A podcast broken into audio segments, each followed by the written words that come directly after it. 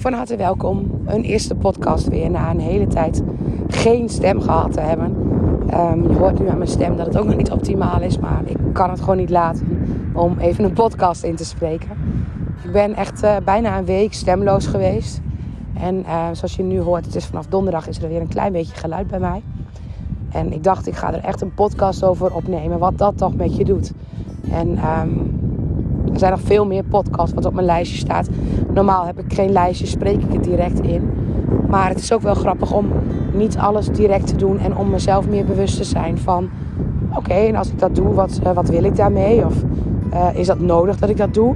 Moet ik iemand anders ermee helpen, ja of nee? Dus ik ben door geen stem te hebben, uh, wat eigenlijk mijn eerste, ja, klinkt misschien stom, maar redmiddel was, ben ik me bewust dat het ook gewoon even een pas op de plaats mag en dat ik mag um, ja, mag in gaan zien of het nodig is om in te gaan spreken, ja of nee.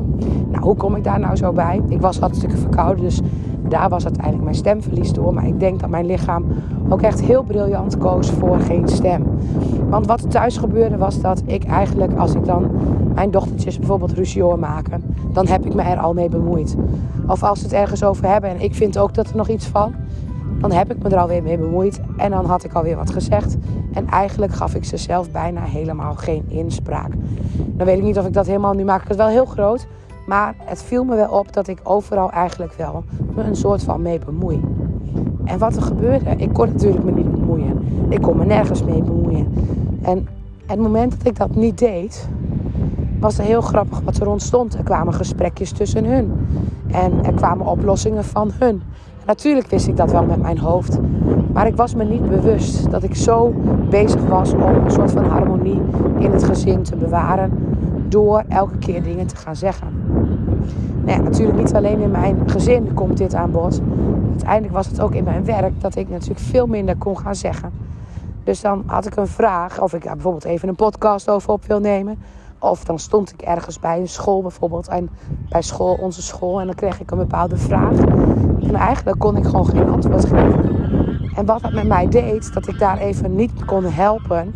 Ik kon even niet doen wat ik eigenlijk wel heel graag altijd wil doen.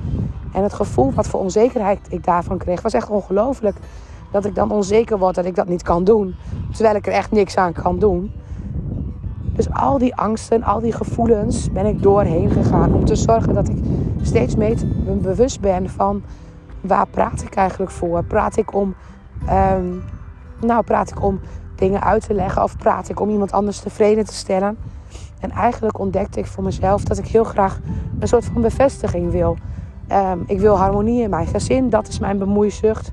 Nou, ik noem het hele zware woorden voor mezelf, vind ik zelf. En, um, en ik wil ook andere mensen heel graag helpen. Ik wil graag dat zij een goed gevoel hebben door dat wat ik doe.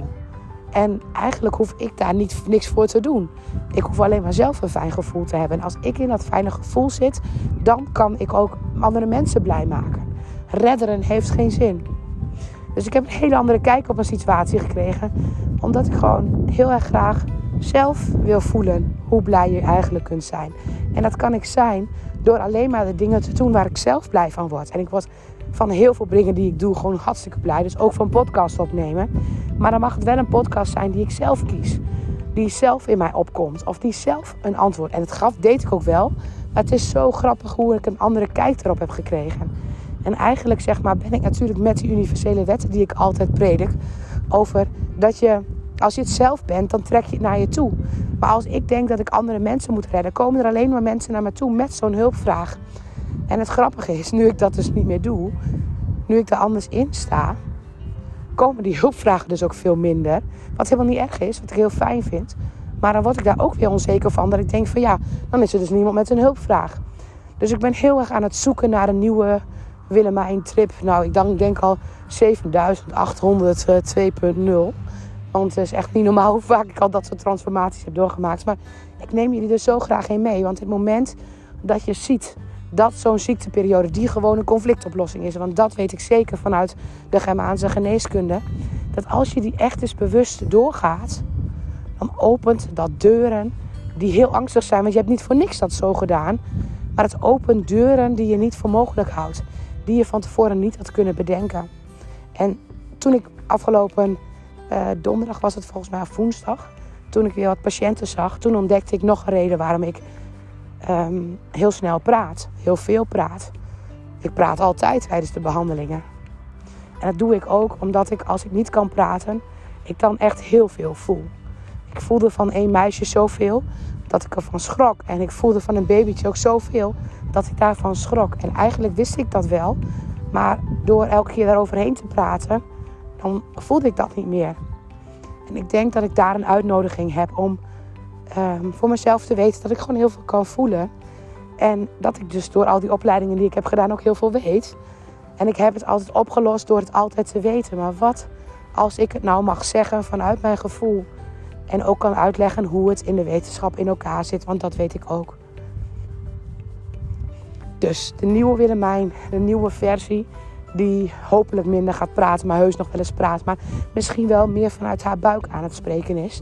In plaats van uit haar hoofd, uit haar weten. En um, geen idee hoe lang ik dat volhoud. Maar ik weet ook dat mijn lijf dat ook vanzelf weer terugfluit als dat niet lukt. Dus ik ga deze nieuwe versie van mij aan. En um, neem niet weg dat je gewoon mag vragen om thema's van podcast. Natuurlijk mag dat. Maar ik ga voor mezelf bedenken wanneer ik dat doe en of ik dat doe. En hoe ik me daarbij voel.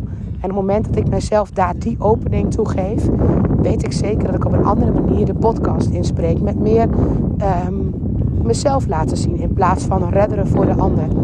En vanuit die trilling, want als je dan kijkt naar de universele wetten, en het moment dat ik die, die trilling kan zijn, um, ben ik het. En dat is wat anders dan dat ik iets probeer te redden. Redden kan ik wel doen, maar het helpt niet. En op het moment dat ik het kan zijn, kan de ander meevoelen wat ik bedoel. Dus wellicht hoor je aan mijn stem, nee, je hoort sowieso iets geks aan mijn stem. Maar hoor je dat het een andere basis gaat hebben. Dat het een andere trilling wellicht gaat krijgen, weet ik niet. Maar dat zei iemand tegen mij. Misschien is dat wel wat er gebeurt. En die andere trilling die gaat vooral over meer in mijn eigen kracht gaan staan. Meer in mijn eigen basis.